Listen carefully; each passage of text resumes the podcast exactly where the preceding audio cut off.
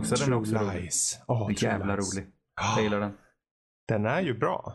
Den är fantastisk. Den är... Eh, den, Hmm. ja. Det är eh, Cameron. ja.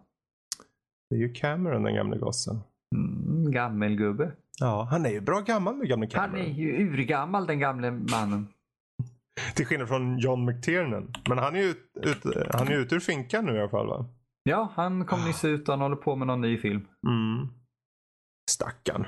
Ja. Mm. Ja, för han fick ett år och, betala, och sen också betala 100 000 dollar. Han blev ju bankrutt och, och sånt där. Eller han ansökte ju om, vad heter det?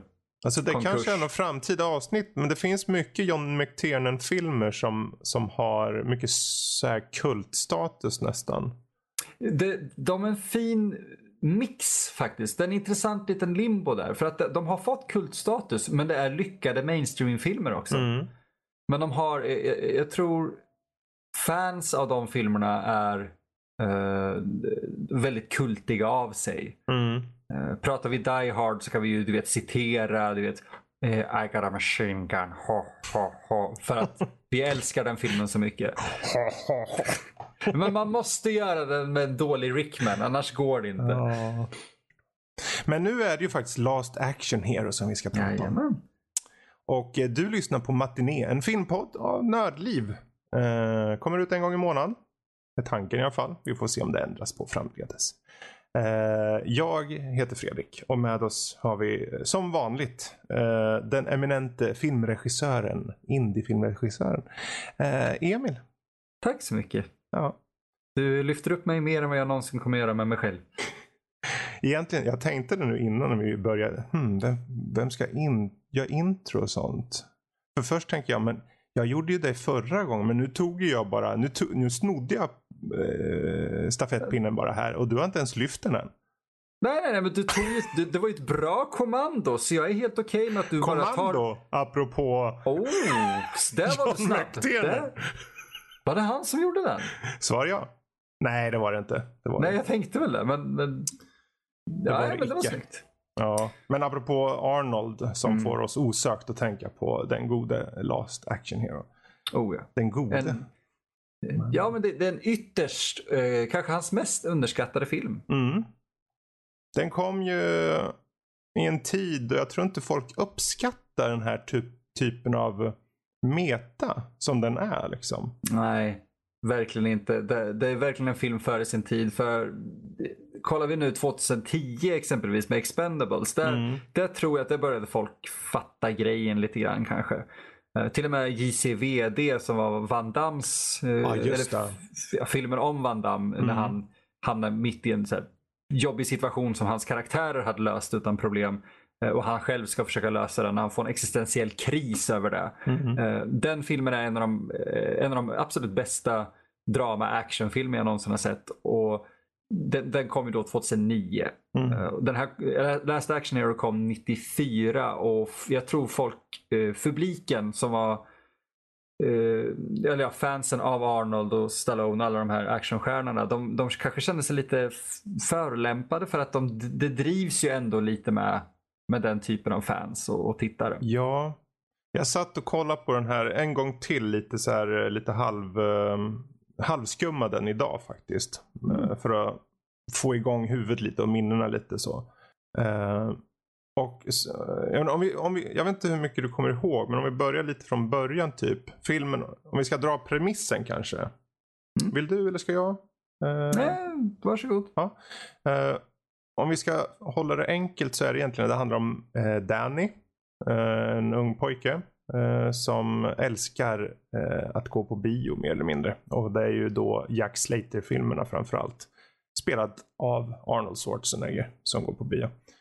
Eh, han går, smyger in på den här biografen titt som tätt där hans kompis Nick, eh, den här projek...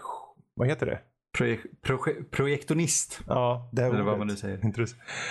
Eh, eh, finns där då och hjälper in honom. Och eh, sen, pratar, sen kommer det upp då att han kände mer eller mindre Houdini då. När Houdini fanns i liv. Och eh, gav honom en gyllene biljett.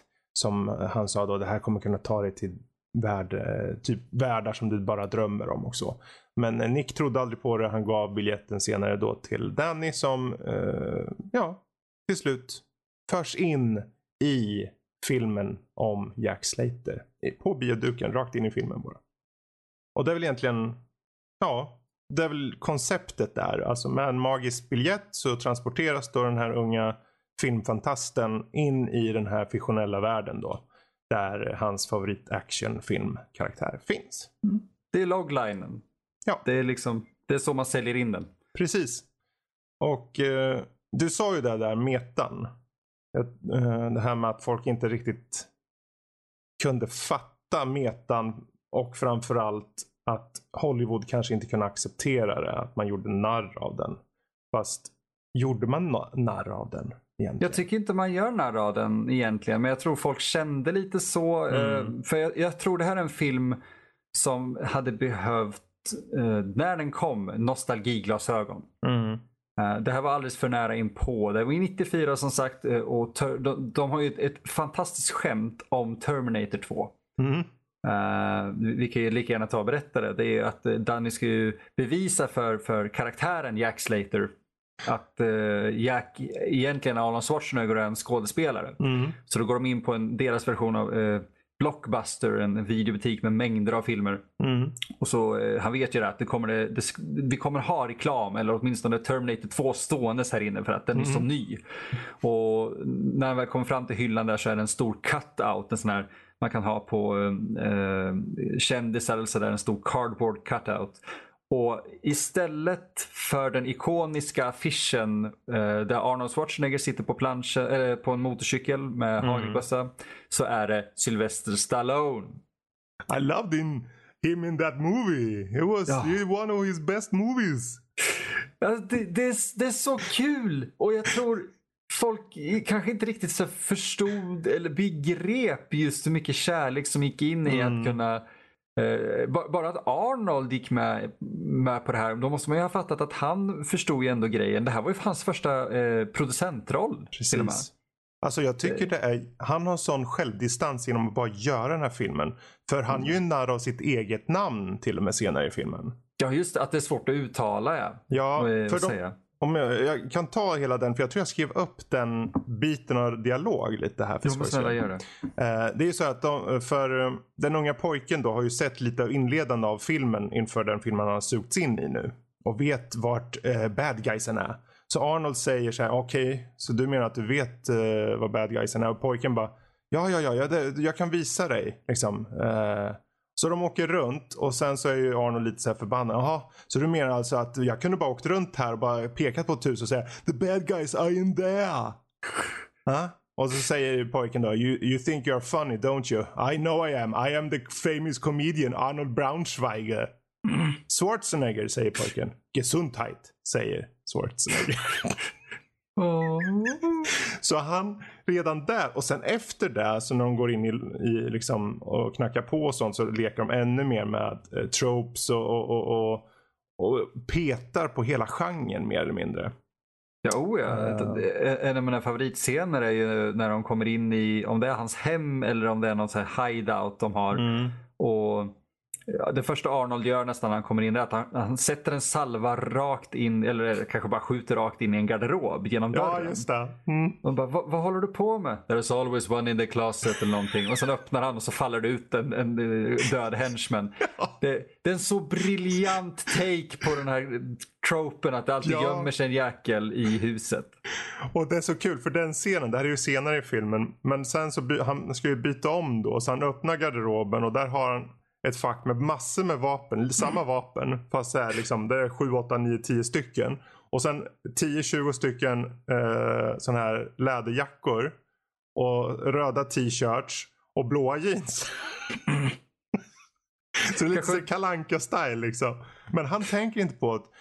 Liksom, utan de kör han kör bara vidare på scenen. Så. Men eh, det är ju så. Det är mycket. Det är så mycket glimten i ögat mm. på den här. Den är verkligen gjord med kärlek för genren av folk som var med och byggde upp den. Precis. Precis. Um, och jag tänkte på det för det är ju så mycket också bara för om vi säger så här, inledningen hand, eh, vad gäller bad guys och sånt. Om man ska etablera vem som är bad guy. Vi har ju Charles Stance som en lackey. En underhuggare till Anthony Quinn som är en slags maffiaboss. Som i grund och botten är helt dum i huvudet. Och då menar jag alltså han är ju hjärndöd. Han är, liksom, han är korkad alltså. Ja, skriven väldigt idiotiskt. Ja. Och då tänkte jag när jag såg Anthony Quinn. För Anthony Quinn var ju för sin tid en, en väldigt bra dramatisk skådis. Mm. Men han har fruktansvärt bra komisk timing. Och sen har du Charles Stans. Mm. Och han är ju han är ju underbar i den här. Han, han är en höjdpunkt här i. Ja. Det är många höjdpunkter och han är en av de som sticker upp högst. Mm. För, för mig så är det på något sätt, när den här kom 94 och jag kommer ihåg jag såg den på bio då och tänkte att okej, okay, nu vet vi att eh, Arnold är på topp här. För nu kan han inte bara eh, göra en film som i sig har action, har beståndsdelarna av en actionfilm. För det är ju meta, i metan så att säga. Men det är välgjort. Det har glimten i ögat. De som är med i den är bra på vad det de är. Liksom, Arnold gör ju Arnold.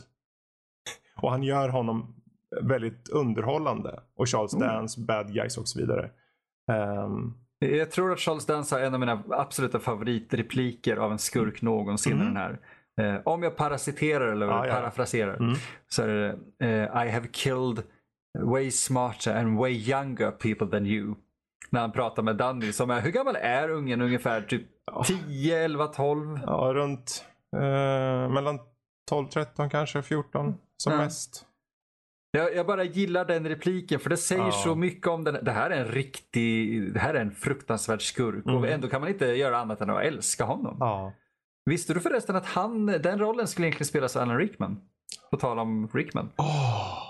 Mm.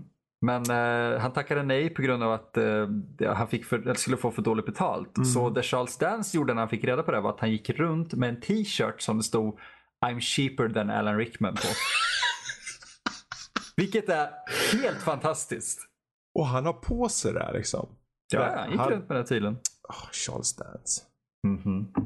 Men eh, tillbaka till filmen i alla fall. Det är ju Shane Blacks inflytande syns från start. Lång väg. Ehm, du har ju Han var inte med och skrev den från början men, men det är en Shane Black-film. Absolut. Jag menar, du har till och med julgransbelysning i början som jag på något sätt förknippar med. För det börjar, bara början av filmen är att liksom, det är någon slags gisslandrama. Och ja, gåendes över bilarna i takt med så här, boing, boing, lite så här tydligt så här dödligt vapeninspirerad musik nästan. Kommer Arnold. Det liksom etablerar på en gång att den här killen skiter i, i reglerna.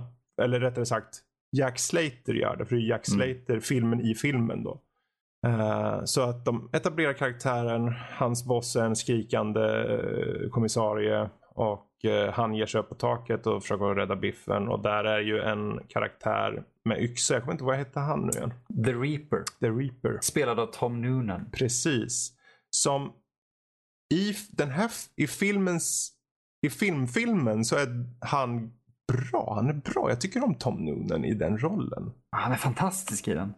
Eh, för han är någon slags, han, han är ju mer eller mindre en slasher-mördare liksom på något sätt känns det som. Oh, ja. Ehm, han är inte den smartaste men han har conniving qualities sådär på något sätt. Känns det som.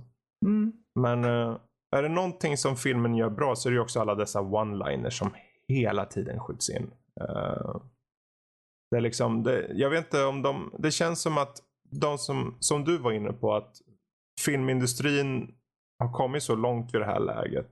Så att actionfilmen är så etablerad så att folk kan, jag antar då att de här som skrev, skrev filmmanuset liksom var så fruktansvärt insatta på, på actiongenren så att de kunde leka med one-linerna hela tiden. Liksom. Ja, men jag tror det är lite så att, eh, jag ska försöka vara kortfattad med det, men de, de, de är insatta i genren för att de älskar genren och den är skriven av fans och, s- eh, av, av eh, den sagda genren. Och sen har de haft då som sagt Shane Black med som har st- alltså startat och grundat många av de här schablonerna. Och som då kan förfina det för att han fattar humorn. Mhm. Eh, Därför funkar de grejerna så fantastiskt bra. Det är som vid ett tillfälle, de har ju den obligatoriska biljakten. Och eh, hela tiden så, för grabben då har precis kommit in i filmvärlden då. Så han bara, men vad är det som händer? Och Varför böts eh, scenerierna? Det måste vara en film, f- movie set liksom. Eh, Arnolds, eller Jack Slater fattar ju ingenting, eller bryr sig inte. Han tycker att ungen är bara knäpp.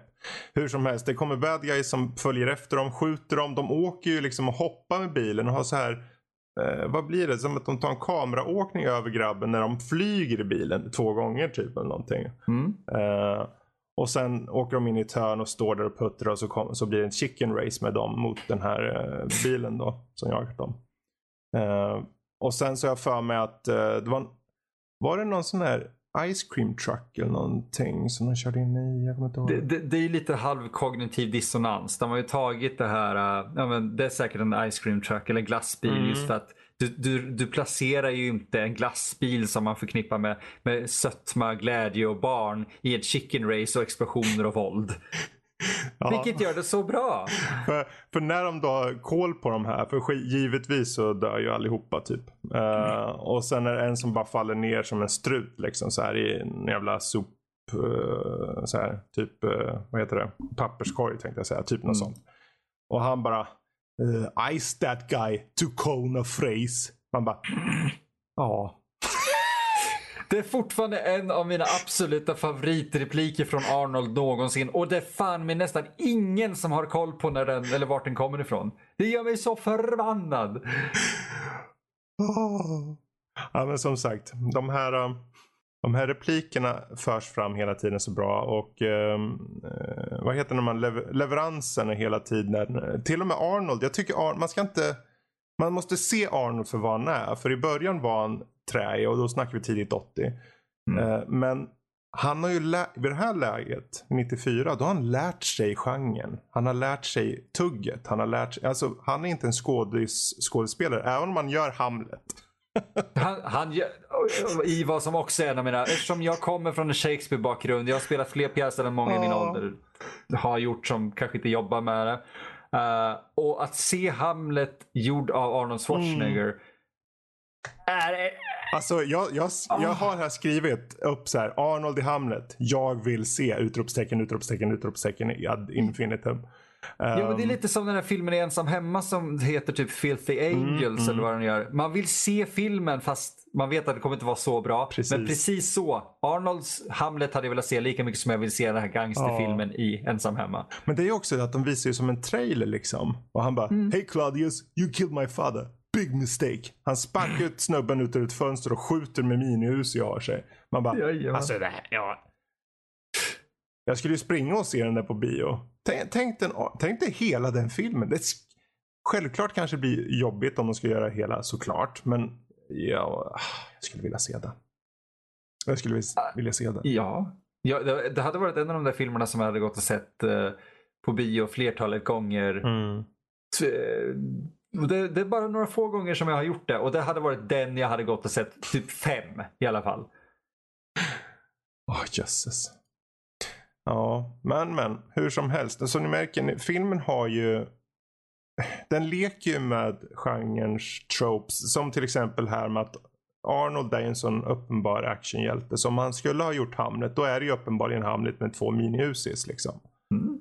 Eh, och det, det vet ju tittarna, det vill säga de som, eh, vi, men också de som är i filmen som tittar på filmen. Det vill säga Danny till exempel. För precis innan Danny förs in i den här Jack Slater-filmen. Han tittar ju på precis i det här eh, en se- sekvens när Arnold är jagad av eh, eh så här henchmen. De åker med bil efter och kastar eh, bomber typ. TNTs liksom så här som är stora eh, stubiner som brinner och så. Och, det, och innan det så håller han på eh, och bara liksom säger ja nu kommer det där ske. Ja, nu kommer det där ske. Mm, vi vet. Poliserna kommer dö. Arnold kommer överlevt utan någon skråma. Och det är ju det som vi som publik också skulle ha sagt. Mm. Men det är för att vi ska kunna relatera och Dan är en av de mest relaterbara karaktärerna någonsin. Mm. Det här är ju det är en Ja. fantasy-premiss egentligen. Precis. Eh, och det här kanske är den absolut bästa fantasyfilmen som någonsin har gjorts med Arnold Schwarzenegger. Ja, absolut. Eh, Precis. eh, det, jag har bara svårt att liksom beskriva hur mycket jag tror jag älskar den här filmen för att den innehåller så mycket saker som man har sett och växt upp med. Som ja, Exempelvis eh, Rovdjuret eh, Mm. är en sån här film som, som alla älskar. Eh, Eller, eller alla som liksom, jag har pratat med och, och så, de är bara åh ja men det är typ hans bästa film. Mm. Jag, jag är relativt svag till den filmen. Inte svag för utan det är så här, ja men den är bra.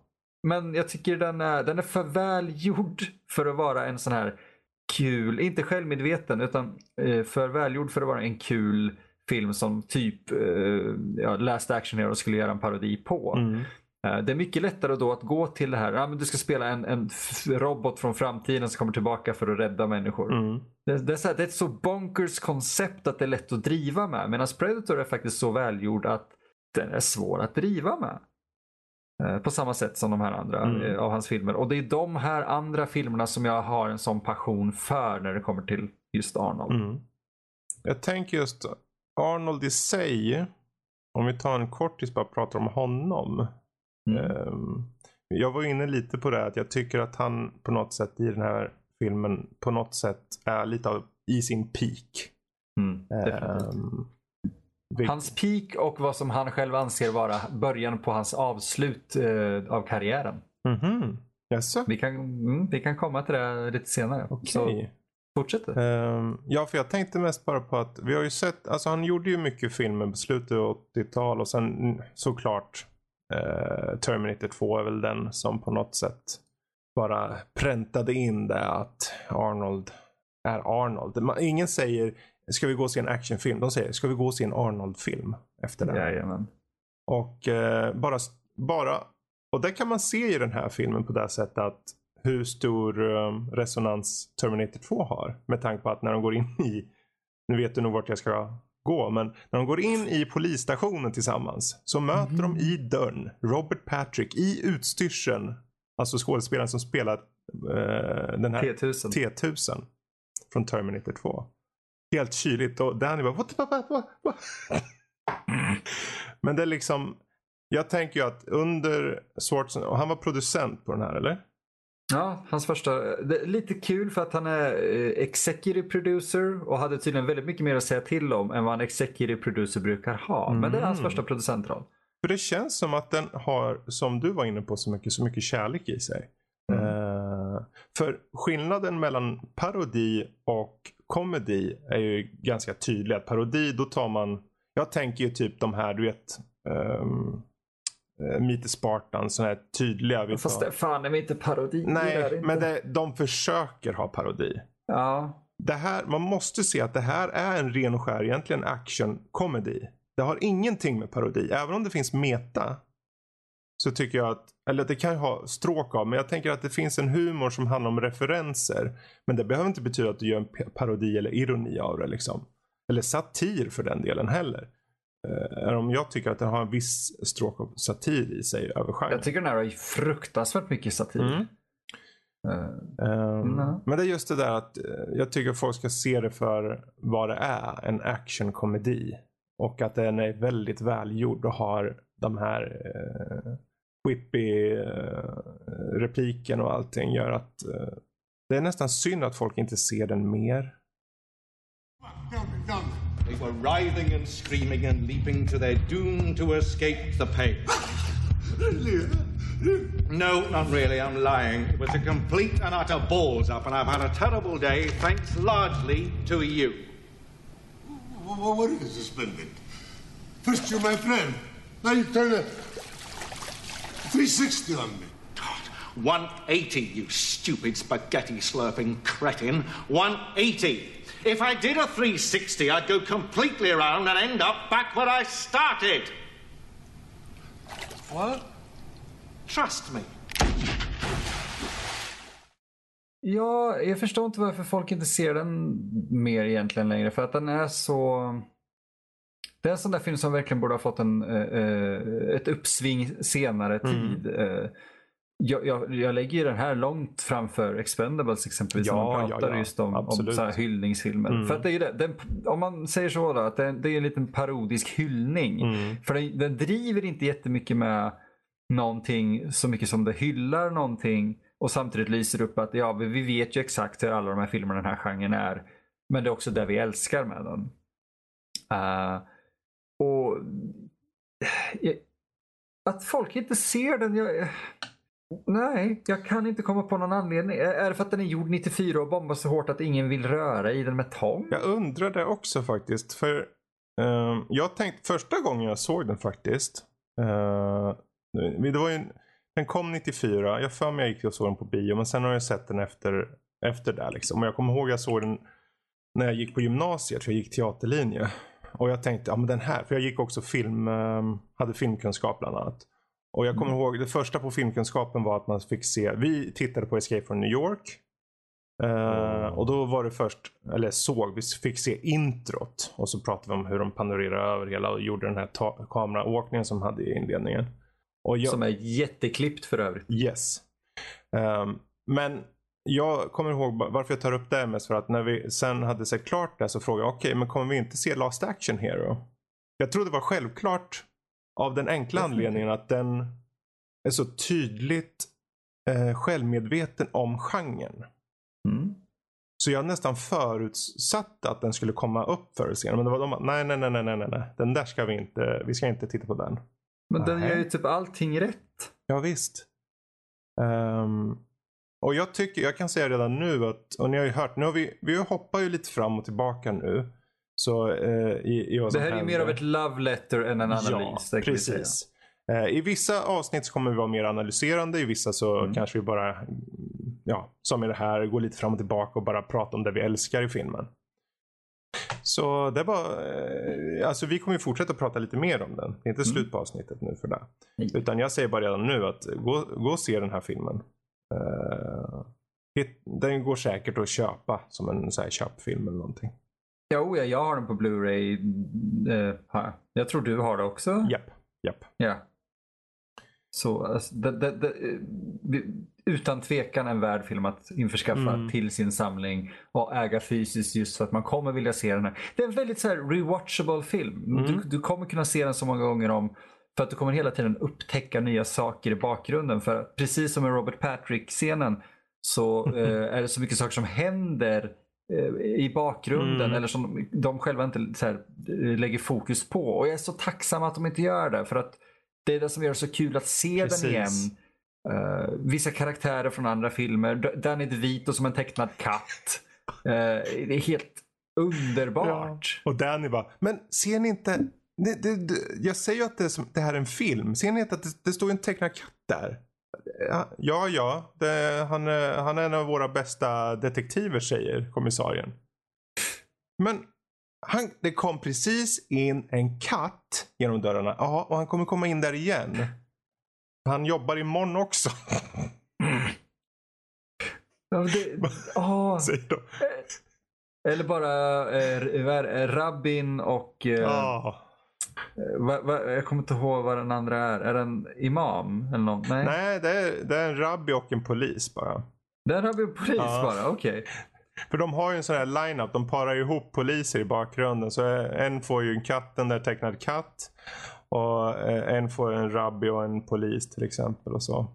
De försöker ju göra den här grejen med att omaka par mm. aldrig blir bra så här, partners och sen blir det kul. Precis. Uh, så varje av de där sakerna är ju mer eller mindre en form riff av det där kan vara en film, det där kan vara en film, det där kan vara en film. Ja, ja. Vet att lobbyn för övrigt, det är jättekul. Det, det, I efterhand när jag tänkt efter så ser jag precis där framför mig. Lobbyn är densamma som de faktiskt har i eh, Running Man med Arnold Schwarzenegger också. Som tv-stationen när Killian Jaha. går igenom den och stöter ihop med den där städaren. Jaså. Så polisstationen, ja, ja, polisstationens här stora kontor är samma som lobbyn i Running Man. Bra, det är samma inspelningsplats och samma rum. Ja, det är hmm. fruktansvärt kul. Ja, nu säger du så faktiskt. Ja, när man, när man vet om det. Så blir, för att färgen och väggarna och allting är identiska i princip. Ja. ja Arnold kände igen sig i alla fall. Det är ju bra det. Ja, han gjorde nog det utan problem. Gamle Arnold.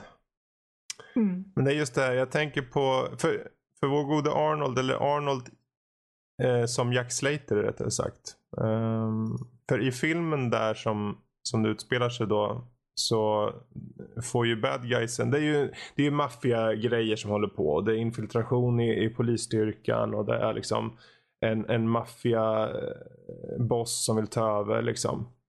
Det, är- det, det är ju subplotten av Last Action Hero Mm. men som är själva huvudplotten i Jack Slater 4 eller Precis. är. Eh, och över hela det här så har vi ju de här dödligt vapen-vibbarna i musiken. Lite saxofon, lite så här. Lite så här. Oh, ja. och, eh, och det är extra tydligt för när de då startskottet för, för Jack Slater då. Att faktiskt börja ta itu och leta upp de här bad guysen att de har ihjäl hans favorit second cousin. Hans andra kusin. Frank. Han åker till Oh, Franks no. hus. Och, men vad är det här? Vi fick ju några tips här. Det är två poliser utanför. Bara, vi fick några tips. Ja men det här bor ju min eh, second cousin, favorit second cousin Frank. Det är väl inga konstigheter. Han går in och mycket riktigt sitter det, Frank där eh, i något så här. Han, han avlider väldigt dramatiskt. Han liksom säger någon one-line och sen ah, kollar i taket liksom. Och på hans bröst så ser ju Jack Slater att det ligger någonting så han tar upp det och då är det kort. Det står tre. Så tar han, det är som en kortlek. Så här, tre. Så tar han bort ett kort. Två. Ett. Han vidgar ögonen och springer för såklart det är en bomb. Och jag tycker det var så, just den här nedräkningen med här, liksom, att det dras i följd och skapar en nedräkning in camera. Men också, det är så typiskt filmigt på något sätt. Självklart Mm. skulle inte det funka. Han, vem, hur vet bad guysen när han tar de korten om man ens ser dem och så vidare. Jag nämnde det skulle aldrig funka men det är det att det blir en awesome set piece. Ja. Och, det är liksom, och då samtidigt sitter, det här är ju i början av filmen så Danny sitter ju och ser på när det här händer i filmen. Och så säger han typ, ja, för huset exploderar i tusen bitar. Och han bara, okej, polisen är döda. Arnold ställer sig upp och har inte en skråma. Och vad händer? Han typ, man ser det så här i ett, hav av skrot och damm så reser sig Arnold upp och putsar av axeln lite grann. Oj, oj, oj. Och i en kaktus långt upp ser man ett av liken till en typ polis eller någonting. Och så är det en annan polis som bara eh, säger typ, får se vad var han sa nu. Jag tror han säger något i stil med att "Åh, jag hade bara två dagar kvar tills jag skulle gått i eh, pension. Och så Det är dör exakt det han säger. Och så Och kommer vem- dödligt vapen-scoren på det. Exakt! Men vem var det då som skrev Dödligt vapen? Shane Black. Exakt! Mm. Och det är det, det, det, Jävlar vad jag sitter och flinar när den scenen kommer. när de scenerna kommer som är så uppenbart. Det- Jag blir så lycklig just för att det... Jag vet inte, jag blir exalterad. Det är ju som att filmen vet ju om hur over the top den är. Ja. och leker med det. Det är inte så, som att stuntsen är Alltså det är inga super, det är inte att de kör en bil ut ur ett flygplan in camera. Men de kör stunts och de är roliga stunts. De leker med stuntsen mer med kameran lite och så ibland. Eh, har roliga liksom, som jag nämnde förut att de åker ner för en bro som känns som samma bro som, som den här långtradaren i Terminator 1 åker ner för. Den påminner om den. Men eh, det är förmodligen inte den. Men åker i alla fall Terminator 2 menar Terminator du? 2 menar jag, förlåt. Eh, och jag tänkte, ja okej. För eh, biljakten är ju okej. Det är inte som att vi inte har sett den förut. Men de har de här kameraåkningarna över till exempel Danny när han flyger i baksätet. Liksom, Åh! två gånger. Så att de fångar känslan av det på ett annat sätt genom Danny som är med i den här filmen. då. Genom publikens Mm. perspektiv. Precis. Och det är hela tiden där att försätta Först försätts vi som publik att se Danny titta på en film. För Danny är ju verkligheten. Och vi ska komma till verkligheten snart tänker jag också.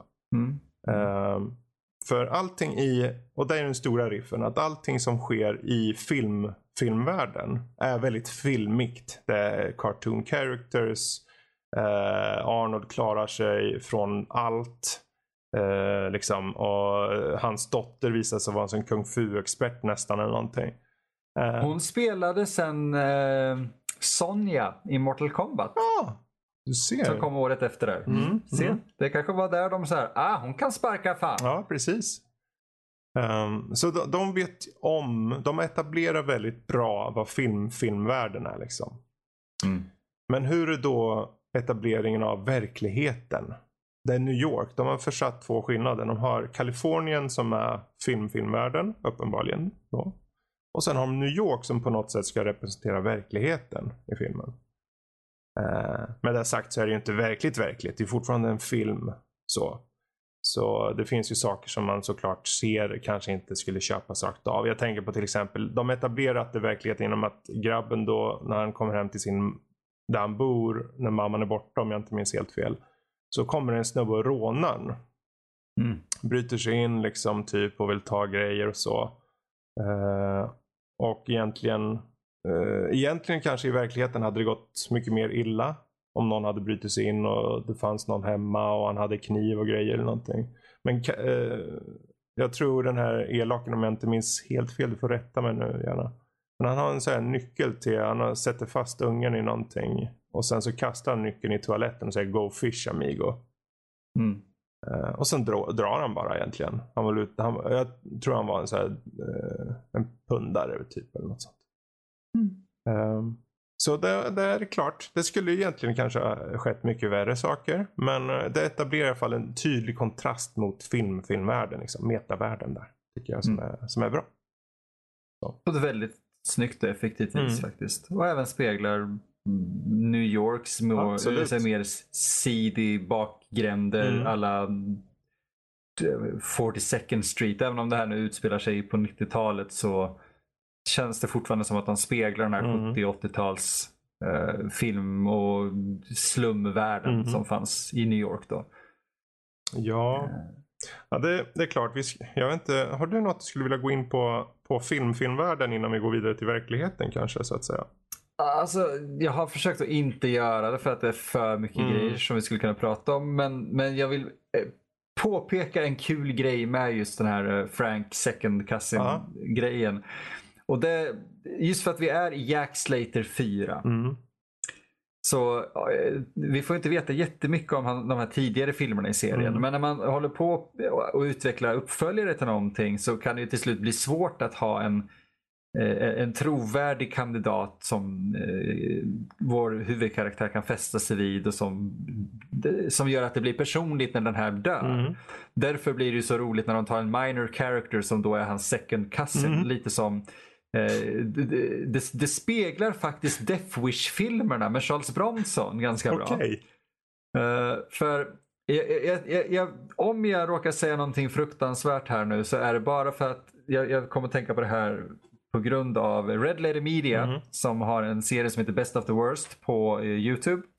Där de pratar om just hur, hur fruktansvärt absurt det är. Eh, men de tar upp varför det, eh, i Death Wish 3, varför Charles Bronson eh, börjar mörda folk i den. För att det är i princip uppföljarna blir till Death Wish.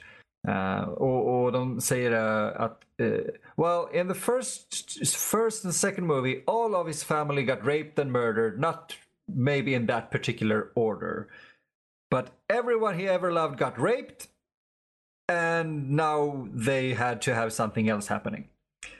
Eh, och det är väldigt sant för att det, det var väl- väldigt mycket film under 70 och 80-talet som uh, särskilt så här hämndfilmer och så eh, som använde sig av våldtäkt som en plot device vilket jag tycker är lite billigt Mm. men det var folk förstod inte eller filmarna, filmskaparna förstod inte riktigt vad, vad våldtäkt faktiskt betydde eller innebar för offret och det, det är dock väldigt kul när man då ser då i Death Wish-filmerna att vad har vi nu då som Charles Bronson har fäst sig vid som kommer dö eller våldtas från honom.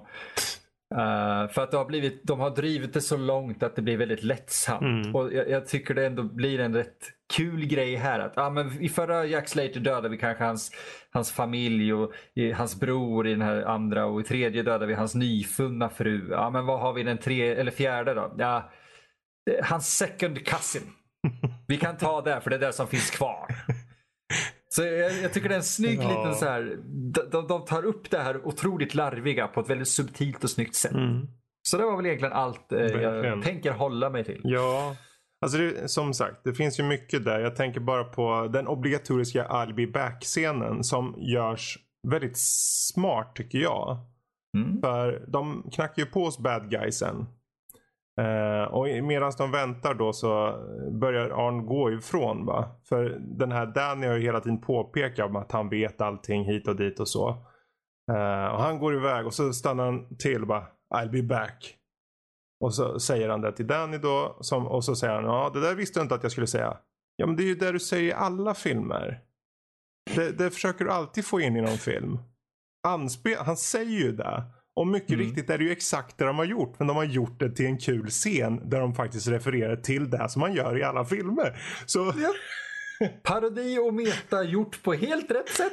yes. Och sen kom, öppnas det upp med Charles Dance som har glasöga. Och, och så är det en helt annan scen och den måste ni se. Ja, vi kan ju säga att hans hundar är fantastiska i den scenen också. Han säger det i princip att de där hundarna, för han har ju vakthundar. Eh, och så, ja, de här hundarna de lyssnar till minsta kommando jag gör och så knäpper han med fingrarna eller vad han gör. Och så vänder sig, man hör bara hur hundarna låter och så vänder sig Slater och, och Danny om, tittar bakom sig så har hundarna ställt sin pyramid på varandra. Och man så här, ja, för det är fan exakt det som, där, där har de så vridit upp det här till 11 lite grann. Att, ah, skurken säger ja, de gör precis vad, vad jag vill enligt mitt kommando. Till och med bygger en pyramid. precis. Fy fan vad kul. För i det här läget som ändå etablerar så mycket med att polisstationen innehåller ju ändå cartoons och allt möjligt. Så de kan ju leka med filmfilmvärlden. De vet om vad de kan leka med och de gör det. Oh. Och då tycker jag det är intressant med Charles Dance karaktär. Han är ju en lakej till den här Anthony Quinn maffiabossen. Men han är faktiskt. Jag får en känsla av att han är ganska resonlig. Han är ganska down to earth för att vara en eh, galen mördare. Men det är som att han. Eh, när han liksom. För den här biljetten då. Den här gyllene biljetten. Kommer ju han över sen. Och eh, bara förstår att det finns en annan värld och går igenom liksom och börjar sen samla på sig bad guys mer eller mindre. För att hans eh, han är ganska konkret så som Mm. bad guy. Men han har fortfarande humor. En mörk humor. Och det är ju Mm. tydligt när vi går till verkligheten då. För när de kommer in i verkligheten så är ju mycket riktigt saker och ting inte som till exempel Arnold eller Jack Slater tror att det ska vara. Att försöka slå handen genom en glasruta och bara att sno en bil. Ja, då håller du på att bryta ur handen där mer eller mindre. Eh, det går inte att göra saker. Du kan inte köra chicken race för då kommer du förmodligen slå ihjäl dig. Om inte dö direkt. För han gör en chicken race och då krockar de ju bara. Japp.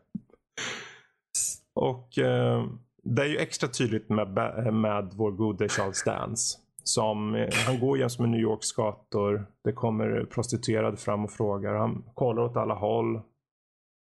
Nej, ingen gör någonting i den här världen. Man ser någon Mm. ta någon hemlös sko, eh, sko från någon hemlös. Eller någon rånar någon i en gränd eller vad det må vara. Och det är liksom, okej.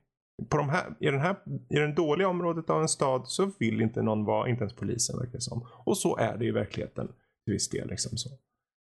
Fast han Mm. gör ju, du, du utelämnar ju typ det kulmen på den Mm. jag tänkte, upptäckten. ja, jag honom. tänkte annars komma till den sist. Om du Ja, okej, syftar ja. på skjutningen. Ja. I just killed a man. Vad är det han säger? I just killed a man. I have En, uh, någonting. I have committed a crime. Uh, måste fan kolla vad det är han säger. För det, det är en så briljant scen. Eh, just för hur han upptäcker att världen här är inte som den brukar vara. För det är just, först har vi hans leverans. Han, liksom, han, han skjuter ju helt enkelt. Han, han, han hittar något ställe, det är någon mekaniker eller någonting. Uh, varpå han skjuter honom till döds. Och sen väntar han lite för att se om polisen kommer. Händer inget. Och ropar typ I just killed man, I committed a crime. Och så hör man bara någon på håll bara Shut up! Typ så. Jag är inte exakt där säkert men ehm, Ja, just det. Eh, hello, I just shot somebody and I did it on purpose. det, det, det är så... Det är just också att leveransen av sk- skjutandet. Allting görs ju i en miljö nu som, där du inte har så mycket musik alls. Eh, det kan, nu är det betydligt mer sparsmakat med musik plötsligt. Och eh, händelsen bara sker nästan. Mm. Eh, som det är i verkligheten. Och, och mycket riktigt. Han som, som en superskurk som han kanske hade varit. Han är ju en lackey med glasögon. Han är en sån tydlig villen. Han är ju en villen, men han är en filmvillen. Och filmvillen är ju vit, svart och vit så här mer. Men han ser ju nyanserna i det här. Mm. Så han försöker bara på så smart sätt försöka utnyttja och han har biljetten. Vad gör man om man har en biljett? Du kan, liksom, han, hämta, han vill hämta bad guys. Liksom. Mm. Det, det, som, det fick... Just att vi har tre stycken bad guys i den här filmen egentligen. Mm. Uh, det får mig att tänka på Far Cry 3. Okej. Okay. Uh, eh, ja. För att Charles Dance är den här filmens väs. Aha. Det är han man tänker på som bad guyen. Det är mm. han som lyser med sin karisma och har de här bra citaten och så. Mm. Uh, och det är visserligen han som egentligen tar den platsen väldigt uh, mer och mer och mm. mer. Men Anthony Quinn, jag skiter i honom ärligt ja, talat. Ja. vi behöver inte ha honom där. Och han är lite som han då som eh, blir eller är huvudbossen då och ja. även Väs boss i Far Cry 3. Mm. För jag kommer inte ihåg honom alls, men Väs kommer jag ihåg. Mm. Men han är ju comic relief mer eller mindre. Jag menar, eh, när eh, den här eh, Charles Dance då vänder liksom så att säga och, och, och skiter i bossen liksom. Han, han mm. Och bossen sitter nere i någon, så här, i någon pool liksom. Och bara, men why are you doing a 360? Han suckar bara. If I did a 360 I would end up where I started. It's a 180 you smack. Och sen skjuter han honom. Mm. Uh, och det är just ja, det där. Vi... Som är så roligt.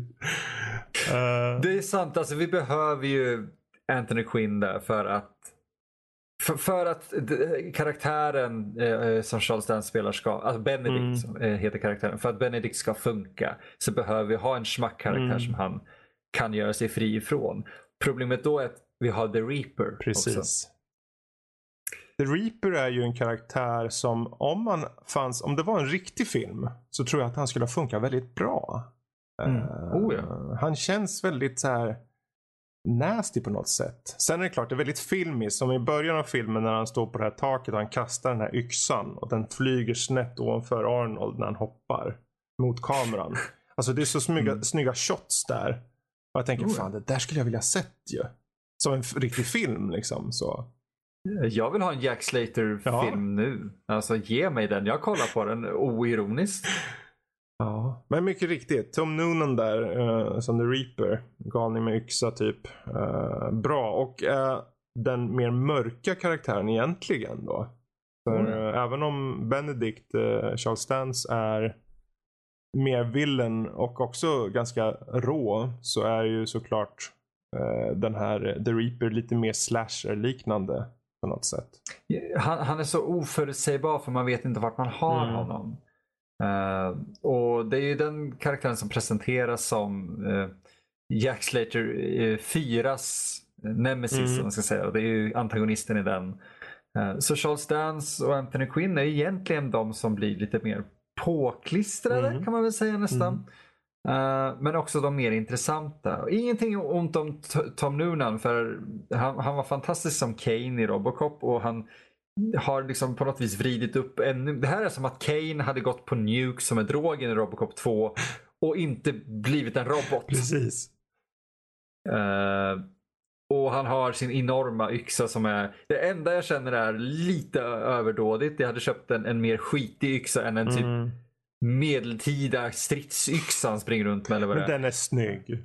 Den är jättesnygg men jag får ju mer känsla av Amid Evil mm. eller Heretic eller någonting. Jag tror det är där som den här over, top, over the topness ness, eh, kommer in för att de, de gör allting så hyper, så mycket hyper på något sätt. I och med att det är film i filmen så bara för att etablera att det här är en film i filmen så gör de det over the top liksom. Mm. Och då har han en ja, supersnygg yxa som liksom bara flyger genom och bara kan slicea upp folk.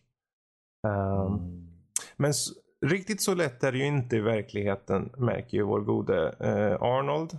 Uh, och, eller rättare sagt Jack Slater. För han träffar ju på Arnold för det är ju en uh, premiär då för den fjärde Jack Slater-filmen.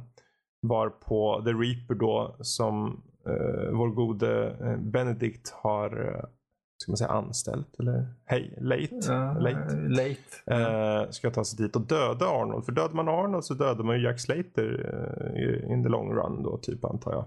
Uh, mm. Även om jag inte, det finns ju, det finns ju plot holes i filmen. Väldigt Det mycket. finns plot holes ja, uh, självklart. Men i och med att filmen är så mycket tongue in cheek så känner jag det kan man se förbi. För att filmen, må- Många plot holes är nog inskrivna också. Mm. Precis som kontinuitetsproblemen den här filmen har. precis, De är där för en anledning. exakt. De är medvetet plac- Ja. eh, placerade. Sen har vi ju eh, F. Murray Abraham, heter han så? Han som spelade Jajamän. Han, han spelar en karaktär som heter Practice. Men han är ju såklart många som är... Han är ju mer känd för den här killen som dödade Amadeus Mozart i, Mo- i filmen om Mozart Amadeus då. Eh, vilket Mm. de han spelar på hela tiden. Väldigt mycket. Ja. Vilket är jättekul. Eh, Arnold bara, you are the kid. This kid say you killed somebody called Mozart. Never heard about that. Uh, but I killed so many so I don't know. Säger han där när han blir påkommen att han är bad guy. För det är han ju mycket Mm. riktigt. Ehm, men eh, det roliga, för, för de anspelar på det, på det sättet att när de kommer till verkligheten då behöver ju såklart pojken gå hem igen. Han behöver ju träffa sin mamma. Mamman är orolig. Eh, liksom och så. Eh, och när de kommer hem så har han med sig Arnold i släptåget. Och eh, ja, det, hon är ju schysst och så. Hjälper få bjuda lite på frukost och grejer så här. Varpå han råkar höra radion som kommer igång. Som spelar eh, Mozart. Mm. Klassiskt. Så att det där sättet, han bara, jag har aldrig hört det förut och blir till sig. Eller blir till sig. Han tycker det är jättefint så. För att etablera. Hänförd. Ja, hänförd. Precis.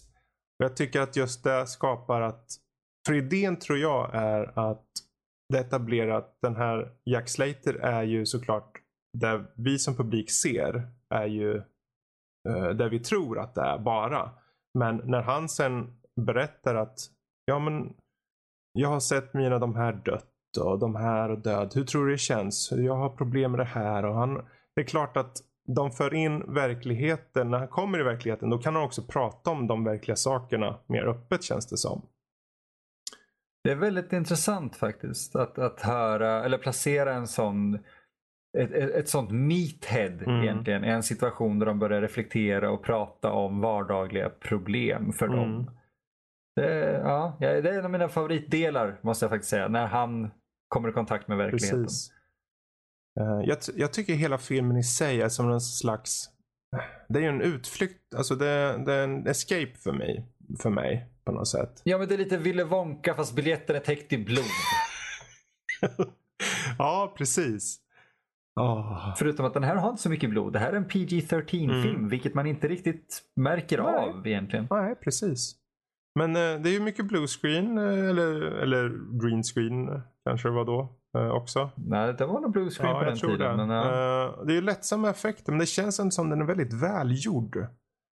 Ehm, Ja, det är otroligt välgjord film egentligen. Med, med tanke på vad det är de driver med. Mm. Man ska säga. Det känns ju egentligen som att det borde vara en lite av en B-film på sätt och vis. Men, men, den, men A-budget. Mm. Ja.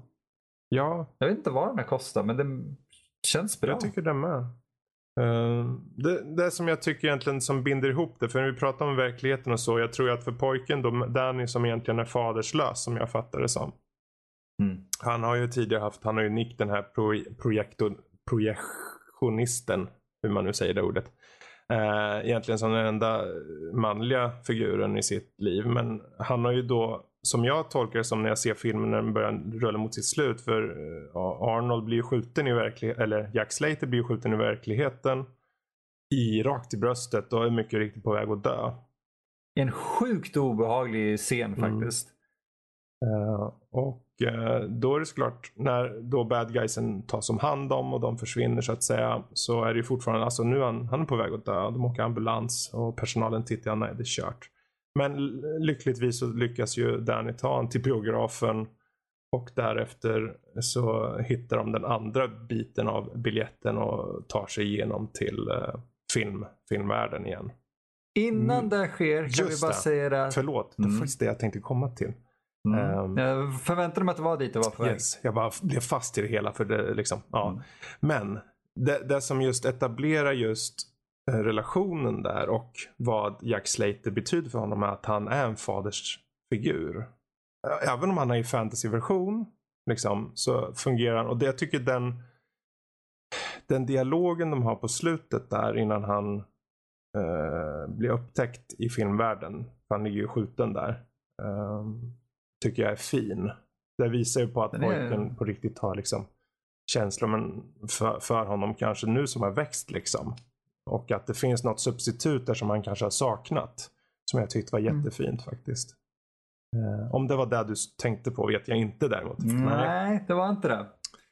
Men det, det är helt rätt. Den scenen är faktiskt en ganska briljant scen att visa hur eh, eh, Danny som karaktär har Mm. utvecklats genom filmen och vad han har lärt sig. Och även vad, vad Jack Slater som vad han har tagit med Precis. sig och så. Det är fantastiskt. Vad tänkte du på? Ja, men vi får ju faktiskt eh, stifta bekantskap med en viss karaktär eh, just vid slutet där innan de Ah, kommer ja, till ja, ja. filmvärlden. ja, just det. Spelad av vår kära Sir Ian McKellen så dyker nämligen döden Mm. Precis. upp i klassisk sjunde insteget manér. Yes. Eh, helt otrolig. Hi- jag, jag glömmer helt bort att han är med Mm. i den. Och så dyker han upp där som, som döden i, i all sin prakt. Och de har ju så lite filosofiska... Eh, ja,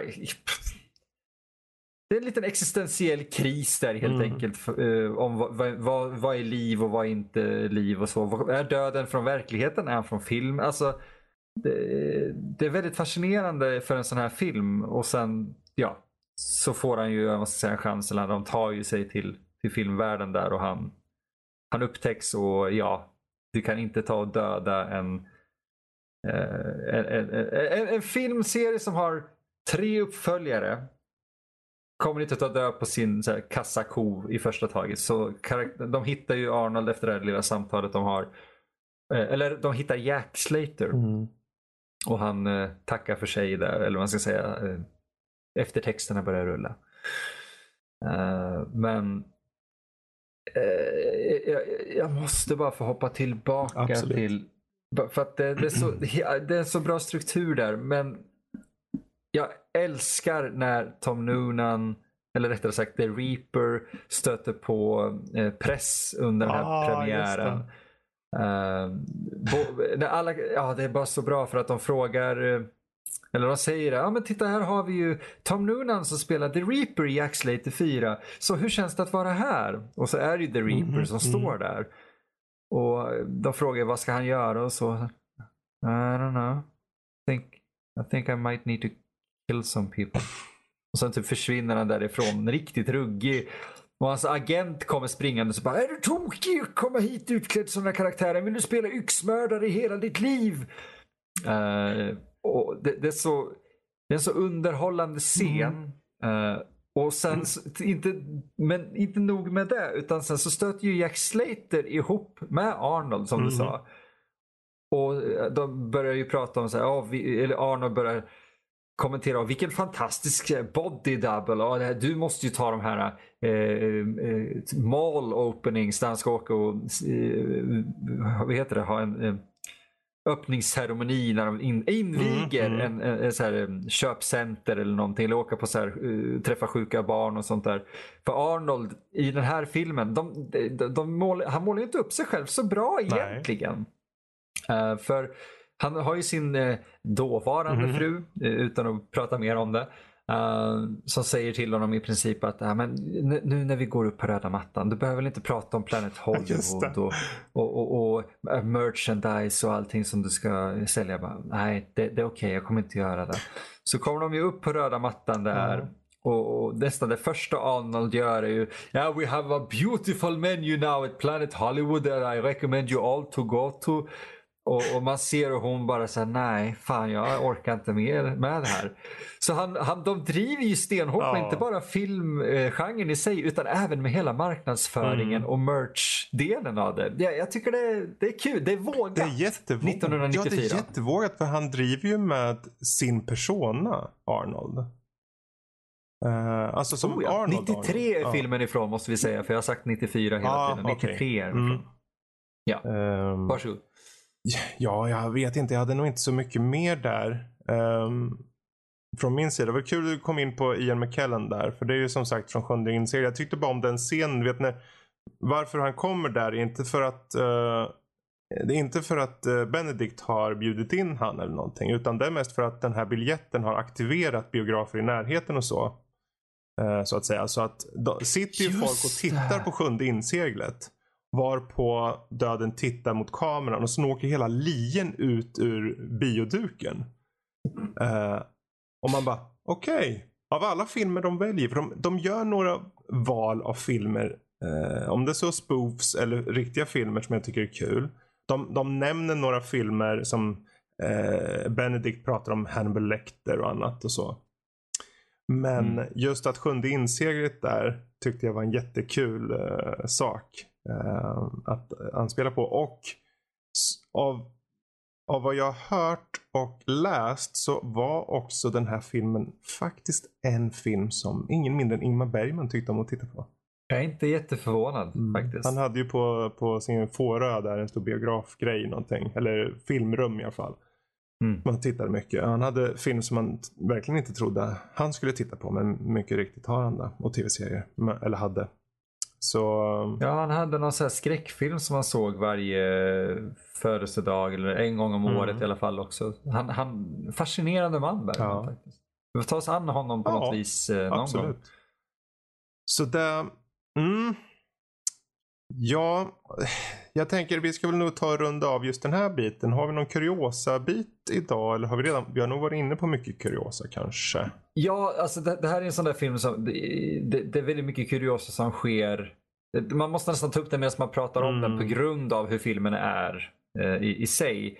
Eh, en lite mindre rolig kuriosa är ju att eh, John McTiernan som regisserade Mm. eh, fick eh, han blev så sönderstressad av den här filmen och blev så besviken på öppningsveckan. För studion pressade dem att få färdigt filmen inom en viss Okej. tid, vilket inte är helt ovanligt. Men de hann aldrig att eh, eh, få allting, för att de filmade grejer alltså ända in till elfte timmen på den här för att få det att Mm. funka.